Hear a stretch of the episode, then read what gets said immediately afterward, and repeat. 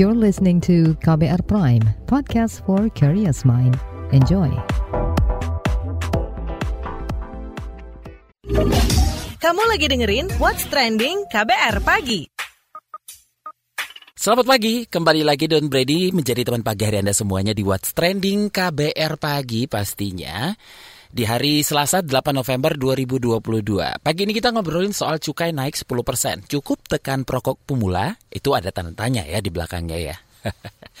nah, jadi Kementerian Keuangan mengumumkan keputusan pemerintah untuk menaikkan cukai rokok dengan kenaikan rata-rata sebesar 10% berlaku tahun 2023 dan 2024. Wakil Menteri Keuangan Suhasil Nazara mengklaim kenaikan itu sudah mempertimbangkan aspek pengendalian konsumsi, aspek produksi yang berkaitan dengan keberlangsungan tenaga kerja, penerimaan negara, dan pengawasan barang kena cukai atau eh, BKC ilegal. Kenapa kenaikan cukai rokok menjadi penting karena konsumsi rokok menjadi hambatan terbesar untuk mewujudkan cita-cita peningkatan kualitas hidup masyarakat. Tercatat jumlah perokok dewasa di Indonesia masih sangat tinggi atau sekitar 62,9 persen. Sementara perokok anak usia 10 sampai 18 tahun juga terus meningkat dari 7,2 persen di 2013 menjadi 9,1 persen di 2018 berdasar hasil laporan hasil riset uh, kesehatan dasar atau Riskesdas tahun 2018. Nah, berdasarkan laman Hello Sehat, rokok bisa menimbulkan penyakit kanker, diabetes, pelemahan sistem imun, penyakit mata dan gangguan penglihatan, luka sulit kering, penyakit gigi dan mulut, penyakit kardiovaskular, dan masalah kesehatan lainnya. Kita bakal bahas lebih lanjut soal efek kenaikan uh, cukai rokok 10% terhadap konsumsi dan daya beli perokok pemula.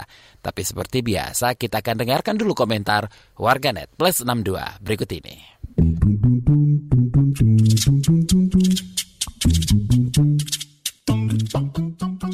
Komentar Edmas underscore XX. Cukai rokok naik 10%, Kemenkes harusnya 25%. At XX, semoga aja kenaikan cukai itu ada beberapa bagian untuk petani tembakau untuk latihan. Dan untuk cukai naik juga buat anak-anak kecil supaya nggak bisa beli rokok. Komentar at Robi underscore XX. Dan kenapa ada perokok pemula, itu karena balik lagi. Pakai uang saku sekolah dia masih sanggup beli rokok, affordable. Selain itu penegakan hukum kurang. Penjual masih banyak yang mau jual ke anak di bawah umur. Ya nggak ditindak tegas juga. Lanjut ke komentar Edwuri XX. Tambah lagi, bagi perokok pemula, setidaknya 50% dari mereka akan mikir akan berhenti atau bahkan pelan-pelan mengurangi rokok. Syukur-syukur bisa terjadi pada perokok aktif yang super-super aktif. Ed Vanina XX. Pelik memang hipotesaku ya kalau harga rokok ini dinaikkan cukup tinggi, anak-anak usia sekolah dari keluarga miskin yang baru mau coba-coba setidaknya nggak semudah sekarang untuk mengakses rokok. Dengan begitu jumlah perokok pemula bisa turun. Dan terakhir komentar at Aweza XX. Usul aja nih kalau mau naikin cukai yang berimbas ke harga jual rokok, mending sekalian tinggi satu kali. Kalau 10% doang mah kami pasti mikir, alah naik goceng ini.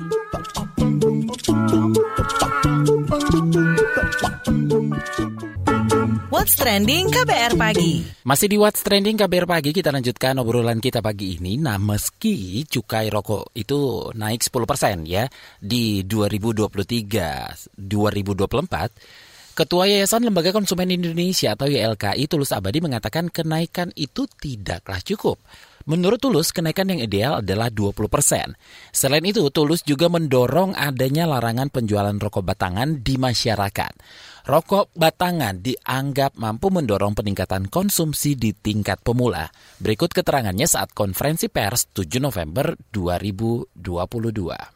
Kenaikan cukai ini juga akan efektif atau tidak efektif kalau tidak ada larangan penjualan rokok ketengan. Karena di kita penjualan rokok ketengan masih sangat masif ya dari survei berbagai lembaga baik oleh PKJ SDUI maupun oleh Universitas IPK Ahmad Dahlan itu 70 persen lebih anak-anak bisa membeli rokok secara ketengan ya. Sehingga kita mendorong bahwa harusnya pemerintah juga punya nyali seiring dengan kenaikan cukai distribusi, maka di sisi lain juga harus berani melarang penjualan rokok ketengan untuk memotong mata rantai bagi anak-anak remaja dan juga rumah tangga miskin. Kemarin Bu Sri Mulyani mengatakan rumah tangga miskin lebih banyak uangnya untuk membeli rokok. Nah, kalau sudah tahu lebih banyak ya ada action dong. Jangan sudah tahu lebih banyak tapi tidak ada action untuk melindungi mereka. Sebenarnya kalau kita bicara cukai itu filosofinya adalah barang yang tidak boleh diiklankan. Jadi ini Indonesia itu memang banyak paradoks dalam hal kemudian tembakau ya. Barang kena cukai tapi dipromosikan, diiklankan. Ini sebenarnya Joko Sembung naik ojek ya. Jadi tidak nyambung kebijakannya. Ya ini yang terakhir bahwa kenaikan cukai rokok sebesar 10 persen kami menyimpulkan belum efektif atau tidak efektif untuk melindungi masyarakat ya karena pemerintah masih lebih dominan penggalian pendapatan dari non pajak ya artinya cukai dijadikan instrumen sebagai backup karena pendapatan pajak walaupun sudah surplus tapi saya kira masih belum mampu untuk digali secara optimal. Seharusnya pemerintah bisa menaikkan lebih tinggi dari minimal 20 persen untuk agar terasa lebih efektif melindungi masyarakat dan juga merupakan satu kalau simplifikasi sistem cukai rokok itu harus dilakukan dan sekarang masih sangat rumit gitu. Nah oleh karena itu ini mesti ada kenaikan yang lebih signifikan kita usulkan 20 persen dan juga simplifikasinya. Dan kemudian instrumen pengendalian rokok melalui cukai efektif tapi harus ada backup ya. Sekali lagi backup yang tidak boleh dipisahkan dari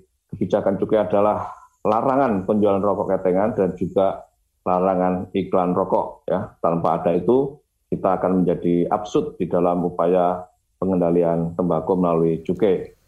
Nah, sejalan dengan Yayasan Lembaga Konsumen Indonesia, Ketua Umum Komnas Pengendalian Tembakau Profesor Dr. Hasbullah Tabrani mengungkap kerugian makroekonomi di tahun 2019 akibat konsumsi rokok sebesar 180-an triliun rupiah hingga 410-an uh, triliun rupiah. Ditambah dengan kesehatan sampai 27-an triliun dan 17-an triliun ditanggung BPJS Kesehatan atau mewakili antara sekitar 61 persen dan 91 persen dari defisit BPJS 2019. Lebih lanjut kita dengarkan penuturan dari Ketua Umum Komnas Pengendalian Tembakau, Profesor Dr. Hasbullah Tabrani berikut ini. WHO mengkaji-kaji dan kami juga telah melakukan banyak kajian harusnya 20 persenan minimum ke kenaikan ya. Jadi perlu disadari pemerintah. Nah tampaknya pemerintah bahwa pemerintah belum berani menaikkan yang signifikan ya untuk menurunkan konsumsi rokok. Tapi alhamdulillah bukan berarti tidak bagus ada kenaikan. Keberpihakan pemerintah kita bisa lihat dengan data-data ini pada usia berapa yang rokok yang menjadi ancaman. Pada anak-anak umur 10, 14 tahun, 15, 19 ini adalah komposisi generasi muda kita yang harusnya menjadi target keberpihakan pemerintah ya supaya mereka tidak lagi merokok atau mengurangi kecanduan akibat rokok. Karena masa depan mereka ini yang sekarang umur maksimum 24 tahun, 2045 umurnya akan mencapai puncak dari eksekutif kurang lebih akan berada pada usia hampir 50 tahun. Dan itu harusnya menjadi orang-orang yang produktivitasnya sangat tinggi untuk membawa layar Indonesia ini bersaing dengan kapal layar Cina, Korea, Vietnam, Thailand, Filipina. Kita harus siapkan itu dan harga rokok mempunyai kontribusi besar terhadap sukses dan tidak suksesnya daya saing kita ke depan. Jadi cukai rokok itu adalah uang denda, bukan uang sumbangan perusahaan industri rokok. Tolong ya, cukai rokok adalah uang denda dari para perokok, para orang-orang miskin, ekonominya rendah, nggak bisa keluar dari kecanduan, didenda terus dia, ya Kenapa? Karena dia keracunan oleh iklan-iklan rokok. Kemudahan beli rokok di warung-warung kelihatan masih anak-anak itu ada rokok, harganya kelihatan, saya coba dan sebagainya. Itu adalah korban-korban sehingga dia menjadi pecandu rokok. Didenda Nah, apakah sudah berhasil dari Undang-Undang Cukai yang mulai 2007 harusnya mengendalikan dengan dengan cukai itu harusnya konsumsi menurun. Ini masih naik terus dari sekitar 220 miliar batang produksi rokok setahun kini mencapai 320 miliar batang. What's trending KBR pagi?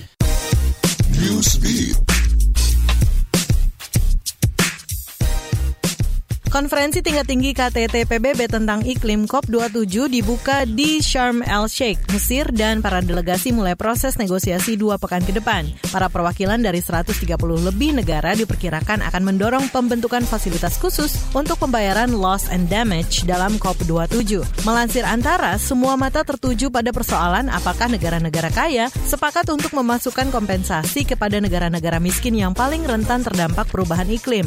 Pada COP26 tahun lalu di Glasgow, negara-negara makmur menolak usulan pembentukan fasilitas itu, tetapi mendukung dialog baru selama tiga tahun untuk membahas pendanaan. Elon Musk membeberkan rencananya untuk membuka peluang bagi pembuat konten di medsos Twitter mendapatkan uang. Inisiatif dari bos baru Twitter ini dianggap sebagai langkah menyaingi aplikasi TikTok. Lewat akun Twitternya, Elon juga mengungkapkan keinginan membuat platformnya bisa menyajikan tulisan panjang tanpa harus menggunakan fitur screenshot. Selama ini, Elon melihat postingan tulisan panjang menggunakan screenshot notepad sebagai suatu hal yang aneh atau absurd. Dia juga menjanjikan fitur melampirkan tulisan panjang tersebut akan segera dibuat di aplikasi Twitter. Francesco Bagnaia berhasil merebut gelar juara dunia MotoGP 2022. Gelar ini disabet pebalap asal Italia ini setelah finish di posisi 9 pada laga penutupan MotoGP di Valencia. Meski bukan posisi pertama, Bagnaia berhasil menjadi juara dunia MotoGP 2022 lantaran defisit 91 poin sebelum jeda musim panas. Francesco Bagnaia menjadi pebalap pertama yang merebut gelar juara dunia dari tim Ducati setelah pebalap Casey Stoner pada 2007 silam. Ia juga menjadi pebalap tertua yang meraih gelar juara pada usia 25 tahun 282 hari dan menjadi pebalap Italia yang sukses di kelas Premier setelah Valentino Rossi pada 2009. What's Trending KBR Pagi kita lanjutkan ngobrolin soal cukai naik 10%. Cukupkah tekan perokok pemula?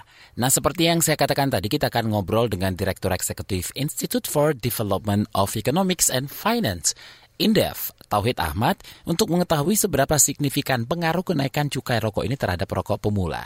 Pak Tauhid, uh, cukai tembakau naik 10% nih di 2023 hingga 2024. Mampu nggak nih menekan angka konsumsi uh, perokok pemula? Menurut saya tidak terlalu signifikan ya, karena kan tarifnya moderat begitu. Jadi menekannya juga terlalu moderat begitu. Jadi karena kan termasuk kalau moderat itu ya tidak terlalu tinggi, tidak terlalu rendah begitu. Jadi dampaknya terhadap penurunan angka katakanlah angka prevalensi merokok anak di bawah 18 tahun tidak terlalu signifikan gitu. Ada ada tapi tidak terlalu singkat. Kalau menurut saya ya dan satu bukan hanya persoalan tarif tapi ada soal-soal lain gitu bahwa ada soal edukasi, ada soal pengawasan, ada soal promosi yang kaitan dengan PP 109.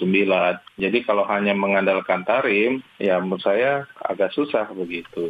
Seperti apa daya beli perokok pemula saat ini? Berpengaruh nggak sih kenaikan ini terhadap uh, daya belinya? Hmm, ya menurut saya kalau kan yang beli sebenarnya kan kemampuannya dari orang tua ya. Dan saya kira kalau kita lihat ini terjadi terjadi karena orang tua mereka memiliki daya beli yang tinggi begitu.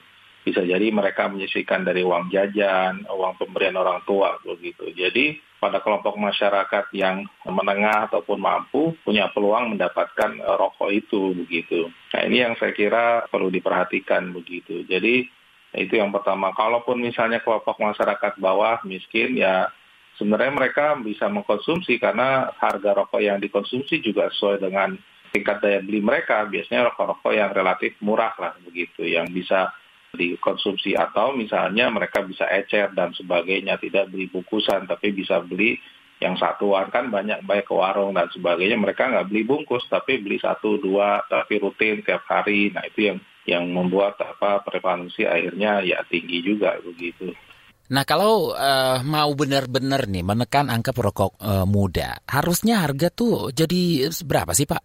Wah agak repot ya sebenarnya logikanya kan kalau mau ditekan ya karena yang kemarin pada saat rokok apa namanya ingin dari perspektif harga itu di atas 12 eh, saja sudah 12 setengah persen aja sudah lumayan menekan ya. Jadi semakin tinggi tentu saja bisa semakin menekan. Tapi tidak menyak, tidak menjamin tekanannya itu tinggi begitu loh. Karena dari faktor-faktor lain harga tinggi pun mereka misalnya ya mengkonsumsi rokok yang lebih murah begitu turun kelas begitu loh. Jadi tarif walaupun dinaikkan bukan satu-satunya jalan Iya, bisa saja linting DW itu bisa. Oke, ketika angka perokok pemula terus meningkat, seperti apa nih kerugiannya? Ini yang saya kira memang kalau kerugian dari rokok tentu saja adalah aspek kesehatan, begitu ya. Itu nggak langsung dirasakan pada saat dia merokok, tapi nanti di kemudian hari, misalnya udah berumur, sudah ada penyakit-penyakit paru dan sebagainya, baru kerugiannya sebenarnya dari sisi itu kesehatan. Kalau dari sisi ekonomi, ya sebenarnya sifatnya lebih banyak positif karena ada industri yang bekerja, kemudian ada petani yang mendapatkan manfaat, ada pedagang yang mengeluarkan mendapatkan hasil, begitu konsumsi juga tinggi dan sebagainya. Nah, tapi dari kesehatan, biaya kesehatan akan semakin tinggi. Nah, itu agak susah dibedakan, mungkin belum banyak riset eh, biaya kesehatan untuk pemula seberapa besar gitu. Yang ada mungkin kalau literatur ya ada biaya kesehatan sekian triliun, tapi itu biasanya untuk segala jenis umur begitu. Baik, terima kasih Direktur Eksekutif Institute for Development of Economics and Finance, Tauhid Ahmad. What's trending KBR pagi? Commercial break. Commercial break. Sekarang kamu nggak bakal ketinggalan berita lagi. Lewat podcast, kamu bisa kembali menyimak apa yang sudah lewat serta obrolan seru di balik sebuah peristiwa. Gak perlu repot download aplikasi lagi. Ketik aja kbrprime.id di browser ponsel pintar kamu dan simak beragam podcast di KBR Prime. Mulai rangkuman berita hingga cerita. KBR Trending, Ruang Publik, Love Bus, Disco, Diskusi Psikologi, Parbada, Ngulas Film, Lika-Liku Mancanegara, Cek Fakta, dan masih banyak lagi. Jadi waktu pas saya mau bunuh diri itu halusinasi saya bilang mati aja buruan sampah katanya mau mati. Teman-teman juga ada pada tahu sih I'm gay. Tapi mereka fine-fine aja sih selama kita baik mereka welcome kok. KBR Prime menemani aktivitas harianmu yang padat dengan beragam informasi dan obrolan seru. Kapan saja dan di mana saja. Temukan juga podcast KBR Prime di aplikasi podcast lainnya. KBR Prime, cara asik mendengar berita. KBR Prime, podcast for curious mind. What's trending KBR pagi?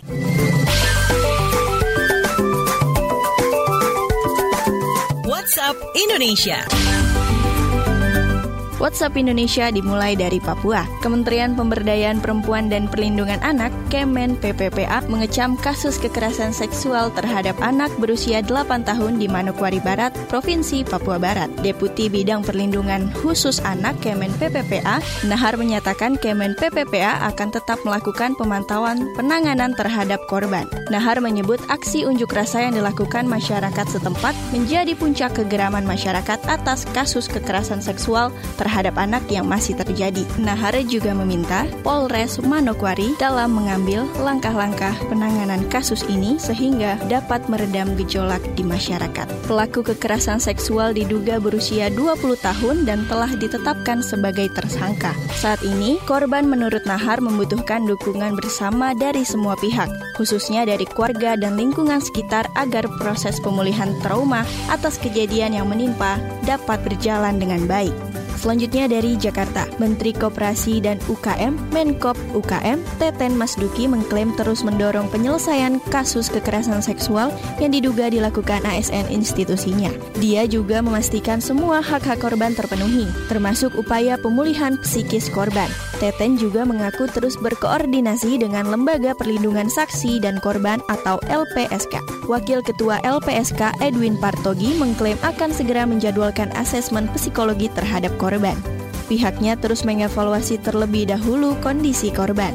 Dikatakannya, LPSK memberikan rehabilitasi selain perlindungan fisik, pendampingan, dan rehabilitasi medis untuk yang sakit, dan rehabilitasi psikologis untuk yang trauma rehabilitasi psikososial untuk kehidupan sosialnya dari sandang, pangan, papan termasuk pekerjaan dan pendidikan. Selain hak korban atas pemulihan psikis, Menkop UKM juga tengah memastikan hak korban sebagai pegawai honorer terpenuhi dan hak korban atas proses hukum berjalan sesuai aturan sehingga proses hukum dapat ditegakkan. Terakhir, mampir Bandung. PT Kereta Api Daerah Operasi 2 Bandung menyatakan 103 perjalanan kereta api jarak jauh dan lokal akan dioperasikan selama masa libur Natal dan Tahun Baru 2023. Kapasitas total yang diangkut mencapai lebih dari 84.000 penumpang. Juru bicara PT Kereta Api Daup 2 Bandung, Kuswardojo mengatakan penjualan tiket kereta untuk masa liburan Nataru sudah bisa dilakukan. Kuswardojo menambahkan tiket kereta api untuk masa liburan Nataru 2023 bisa dibeli melalui aplikasi KAI Akses, situs kai.id kontak center 121, loket box, dan di seluruh mitra resmi pemesanan tiket KAI. Kuswardojo menyebut periode angkutan Nataru ditetapkan PT KAI mulai keberangkatan 22 Desember hingga 8 Januari 2023. Demikian WhatsApp Indonesia hari ini. Demikian KBR pagi hari ini. Jika Anda tertinggal siaran ini, Anda kembali bisa menyimaknya di podcast What's Trending yang ada di Spotify, kbrprime.id, dan di aplikasi mendengarkan podcast lainnya. Daun Brady undur diri. Besok kita ketemu lagi ya. Stay safe. Bye-bye. Terima kasih ya sudah dengerin What's Trending KBR Pagi. KBR Prime, cara asik mendengar berita. KBR Prime, podcast for curious mind.